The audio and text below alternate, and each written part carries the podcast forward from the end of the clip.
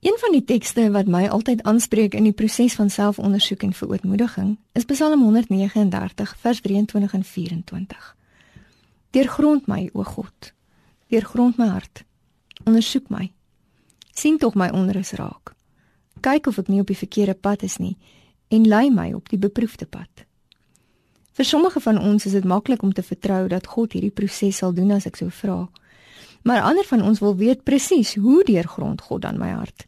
Hoe wys God daardie dinge in my lewe uit waarvan ek nie bewus is of selfs bewus wil wees nie? Die antwoord lê maar altyd in die onopgesmukte detail van my lewe.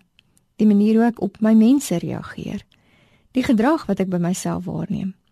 My gewete wat my aankla, maar wat ek dikwels kies om te omseil. Houdings of oortuigings of problematiese verhoudings in my lewe wat ek weet ek moet aanspreek, maar kies om te vermy. Een van die fynste maniere wat verhoed dat ek my laat deurgrond of wat verhoed dat ek my op die regte pad laat lei, is fyn leuns of subtiele wanpersepsies wat ek aan myself opdus.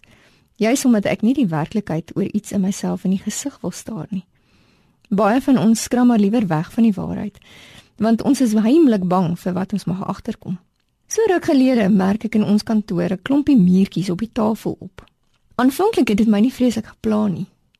'n Paar dae later sien ek egter dat daar heelwat meer mure is en sien toe hoe hulle die laaste lekselwater in 'n glas opslurp.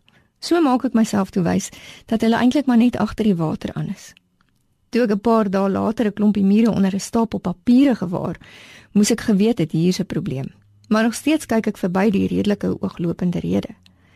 Uiteindelik kom ek toe op 'n dag in die kantoor en besef dat hier nou werklik 'n probleem is. Daar is oral mure. Ek kon dit nie meer ontken nie. Iewers is daar iets waar agter 'n groot klomp mure aan is. En so ontdek ek dit toe. 'n Enorme muurspanpoging besig om 'n klein sakkie in 'n laai met biltong en 'n suigstokkie van alle kante af by te dam. Asof dit nie erg genoeg is nie, ontdek ek boonop dat die mure onder die einste pak papier 'n nes gemaak het. Eiers en al.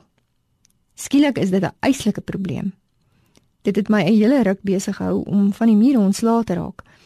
Maar ek kon nie meer die werklikheid ignoreer of die realiteit misken nie.